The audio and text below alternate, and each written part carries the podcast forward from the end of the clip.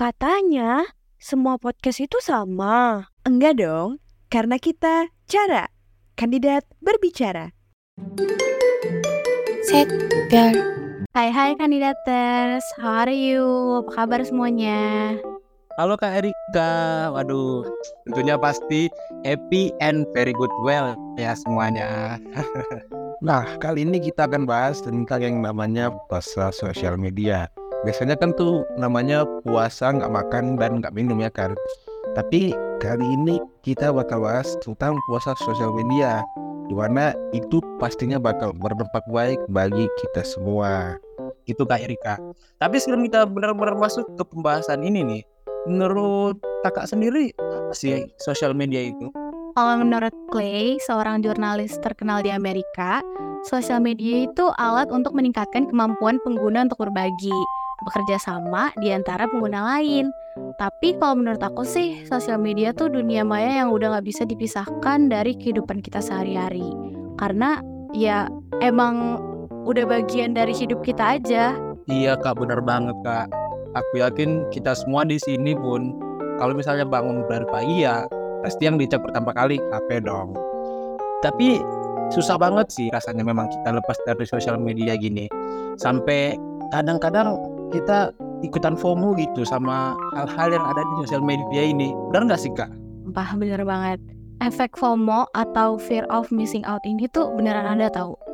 Kita lihat teman-teman kita liburan ke Bali, terus kita langsung kepikiran, kenapa ya kita nggak ke Bali juga? Melihat teman-teman kita membeli sesuatu barang, kita juga jadi pengen membeli barang tersebut. Padahal kan nggak butuh-butuh banget gitu ya. Itu kita tuh cuma takut dalam tanda kutip takut ketinggalan. Bener banget tuh kak. Kita tuh cuman kayak ikut-ikutan doang gitu pengen apa pengen ikutan gak ketinggalan sama era-era tren akhir-akhir ini lah. Padahal pas kalau dibilang kita terlalu mau ya belum juga. Tapi di luar daripada itu sebenarnya sosial media itu banyak banget sih manfaatnya kak. Dan emang baik banget buat kehidupan kita. Contohnya ya kita bisa terhubung sama teman-teman tanpa batas, tanpa negara, dan juga kita bisa nge-share kebahagiaan kita, informasi kita ke teman-teman yang kita punya tak. Nah, setuju banget nih. Makanya kita perlu bijak juga ya soal pemakaian sosial media ini. Dan kalau bisa tuh jangan sampai kecanduan gitu ya. Bener banget nih Kak Erika.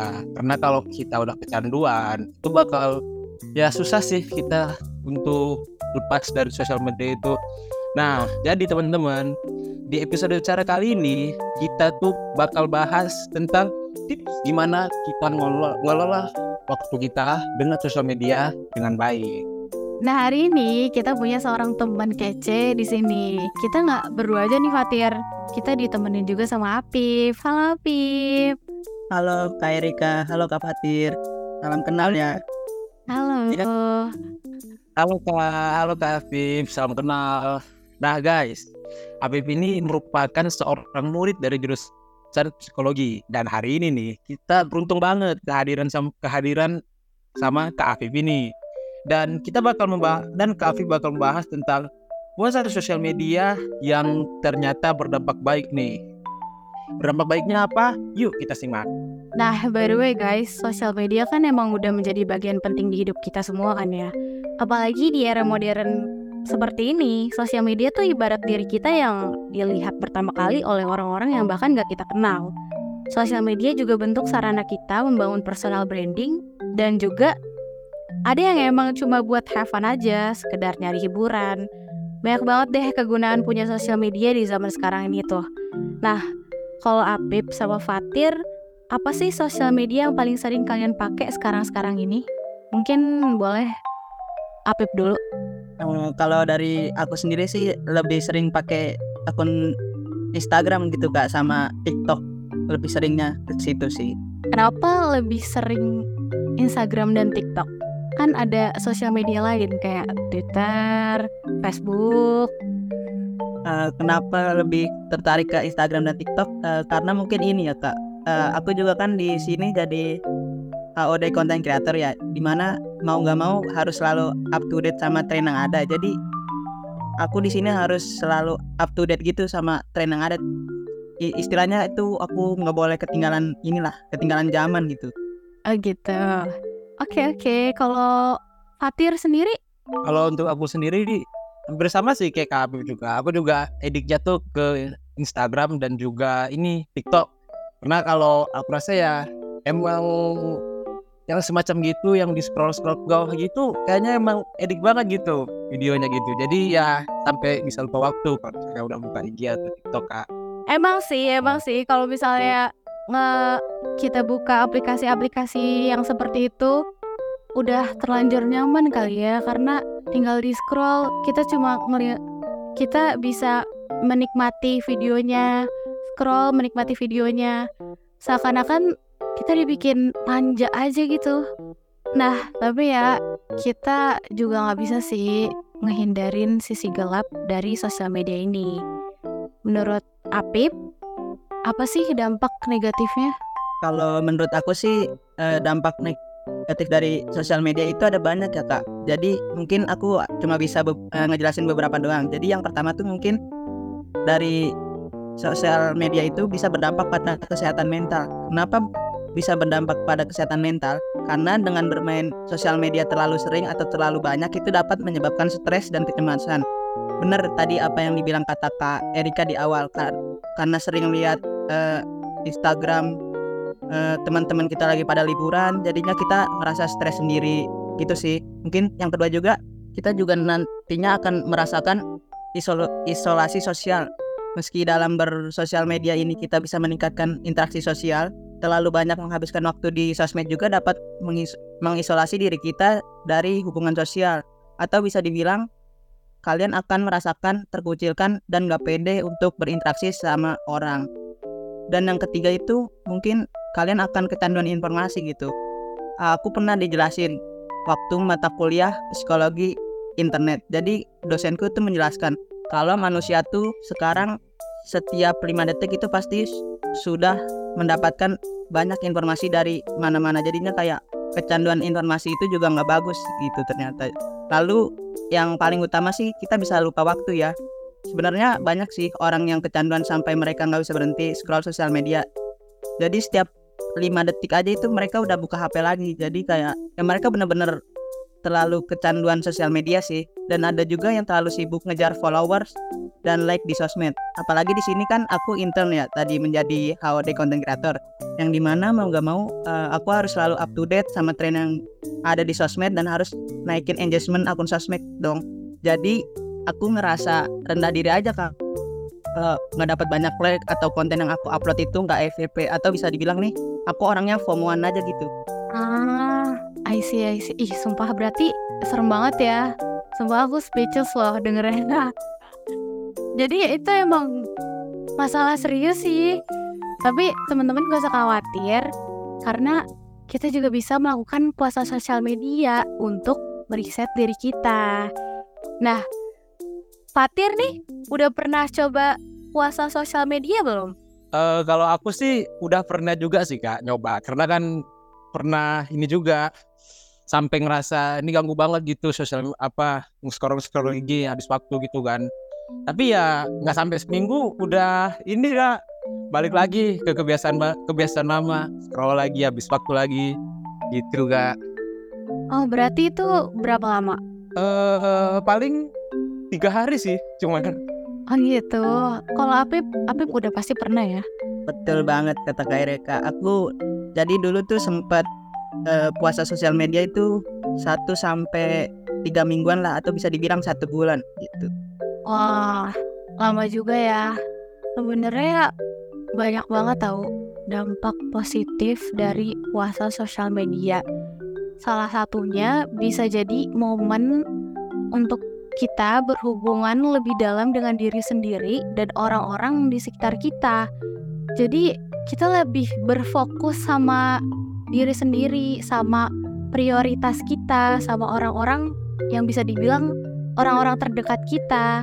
Nah, gimana nih tips buat yang mau coba puasa sosial media Apip? Karena kan Apip udah lama juga ya nyoba puasa sosial media sebulan. Gimana sih tips buat kandidaters yang pengen coba gitu? Oke, mungkin tips dari aku sih itu yang pertama ini kalian tuh harus niat. Namanya juga kan puasa sosial media. Kalau di agama Islam juga itu kan diajarin kalau yang namanya puasa itu harus diutamakan niatnya dulu. Jadi yang pertama kali itu kalian harus niat dan tentuin tujuan kalian. Puasa sosial media tuh untuk apa? Jangan kalian main sosial media itu FOMO dan puasa sosmed juga kalian FOMO. Karena ngikut orang-orang pada deaktif akun kalian ikut juga eh, deaktif akun gitu.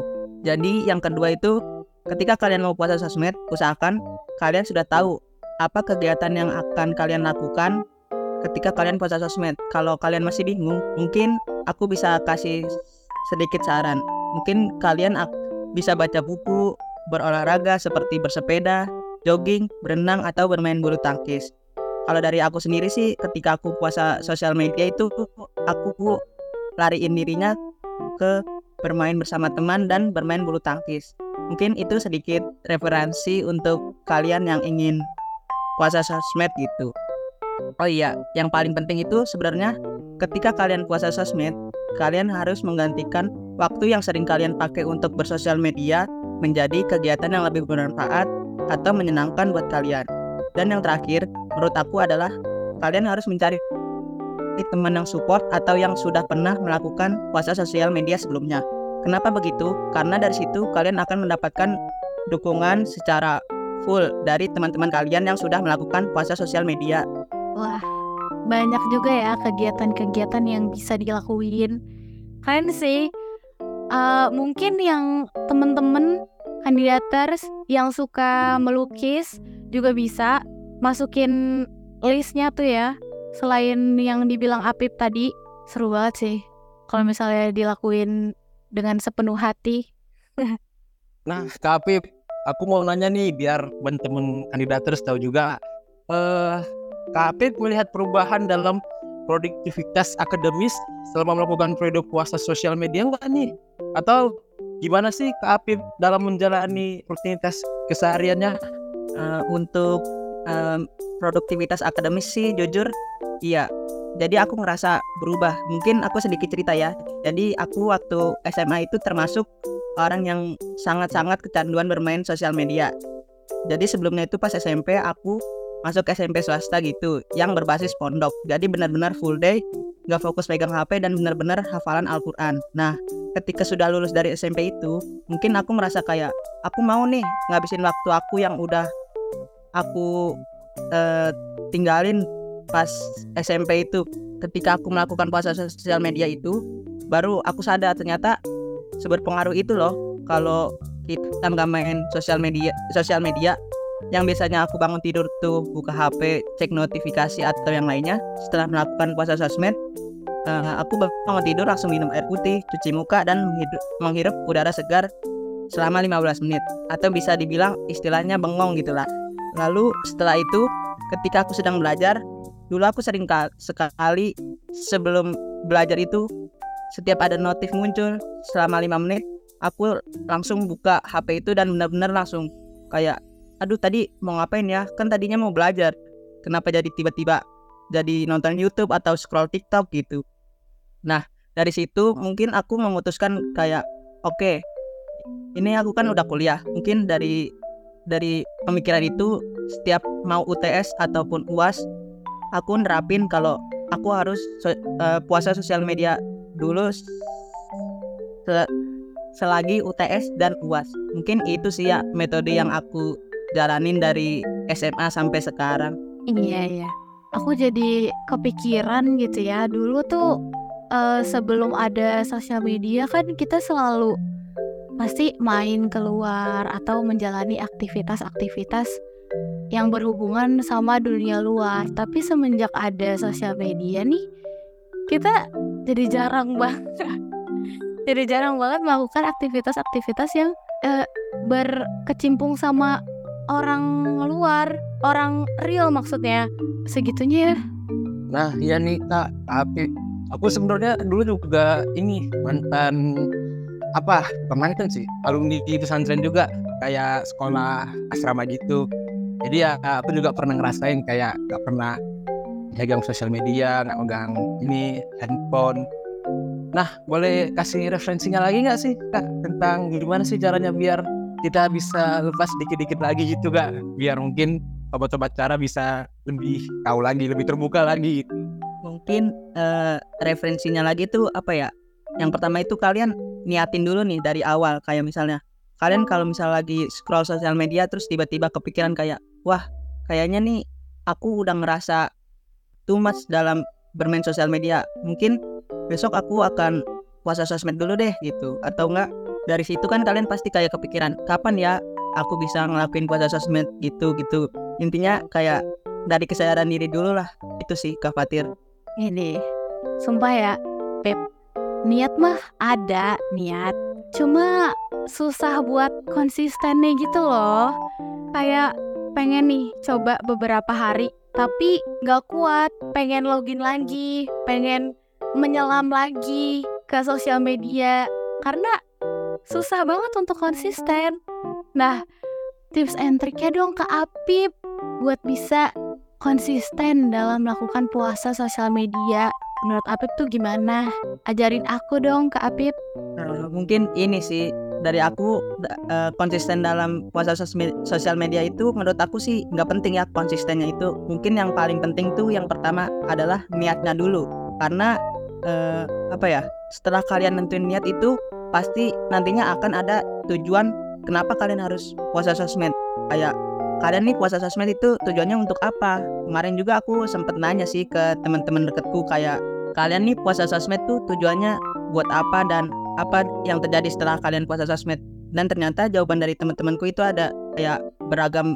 Contohnya lah kayak ada yang puasa sosmed untuk kesadaran diri karena udah terlalu lama bermain sosial media atau bisa dibilang terlalu eh, addicted gitu. Lalu ada juga yang niat puasa sosmednya itu untuk memperbanyak kegiatan dengan orang lain supaya dirinya lebih mengerti caranya bagaimana rasanya dihargai ketika berinteraksi dengan orang lain dan yang eh, dan yang paling sering itu jawaban dari orang yang berpuasa sosial media itu adalah kadang merasa iri sama pencapaian orang lain yang ada di sosial media. Jadi untuk meminimalisir itu semua, mau nggak mau kita yang ngerasa iri itu harus melakukan puasa sosial media dulu. Mungkin itu aja sih tips and trick dari aku supaya kalian bisa eh, melakukan puasa sosial media. Waduh, aku relate banget lagi sama orang-orang yang ditanyain kayak selalu ngerasa iri, selalu selalu ngerasa FOMO. Apakah aku harus puasa sosial media? Bu, iya sih aku juga setuju banget sama pendapat dari Kak. Kalau ya ujung-ujungnya FOMO itu nggak bakal ada gunanya sih. Dan emang kita harus eh, melakukan passion kita malah lebih bagus dibandingkan menghabiskan waktu di sosial media. Karena ya kita ini kan anak-anak muda nih ya kan. Jadi ya semangat juang kita terus berkorban di usia muda ini. Sayang banget nih kalau misalnya di usia-usia produktif kita ini kita cuma gunain buat scroll TikTok, scroll IG, yang di mana itu gak bakal bawa kita ke mana pun gitu pastinya. Kita juga pasti lebih sedikit bertindak kalau kita lebih sering di sosial media gitu. Gimana kayak Rika? Bener banget nih Fatir. Emang ya sosial media tuh ada dampak negatif dan positifnya. Tapi ada kalanya kita juga butuh puasa sosial media. Kita juga istilahnya tuh ngasih istirahat diri kita lah untuk lebih dekat sama diri kita sendiri gitu. Nah, dalam podcast kita kali ini kita udah ngebahas topik yang menarik tentang puasa sosial media yang ternyata baik bagi kita. Kita mendengarkan cerita dari teman-teman kita, dari aku, Fatir, dan Apip tentang pengalaman kita mengenai sosial media dan bagaimana puasa sosial media telah mempengaruhi hidup kita. Bener banget nih Kak Erika. Kita juga harus sadar kalau sosial media itu juga punya dua sisi, sisi baik dan sisi sisi baik dan sisi gelap. Nah, sisi gelap itu harus kita waspadain. Mungkin ya sosial media bis- bisa buat kita over dopamin mungkin gitu. Jadi ya kalau kita udah over dopamin, kita males gitu nyari kesenangan. Dopamin itu artinya kesenangan dan kita kayak udah kesenangan dia cuma di sosmed doang, nggak ada di hal-hal yang sebenarnya lebih bagus. Kita mungkin ngejar passion kita it- kayak ngelukis atau mungkin sport gitu.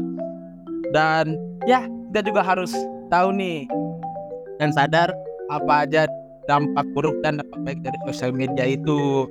Itu teman-teman. Terakhir, kita mendapatkan tips berharga dari Apip tentang cara konsisten dalam melakukan puasa sosial media. Udah dijelasin juga ya tadi gimana cara memulainya, dampak negatif dan positifnya apa. Terus Apip juga Apip dan Fatir juga udah cerita bagaimana dulu kehidupannya waktu saat mondok ya. Kita juga diingatkan tentang pentingnya menjaga keseimbangan antara media sosial dan kehidupan nyata, serta menggantikan waktu yang biasanya dihabiskan di sosial media dengan hal-hal yang lebih bermanfaat. Nah, benar banget. Jadi teman-teman, yuk kita ambil inspirasi dari obrolan kita di podcast kali ini supaya kita bisa lebih bijak nih dalam menggunakan sosial media dan juga menjalani hidup kita dengan lebih seimbang. Oke, makasih ya buat teman-teman yang udah hadir, Kak Erika, Kak Afif, dan makasih juga buat teman-teman yang udah dengerin podcast cara episode 3 sampai akhir. Nah, teman-teman semuanya, jangan lupa terus pantengin podcast cara ya, kandidat berbicara bisa diakses lewat Spotify supaya teman-teman bisa mendapatkan insight baru, wawasan baru. Terima kasih buat teman-teman yang udah dengerin podcast cara. See you on the next episode. Bye. Bye teman-teman.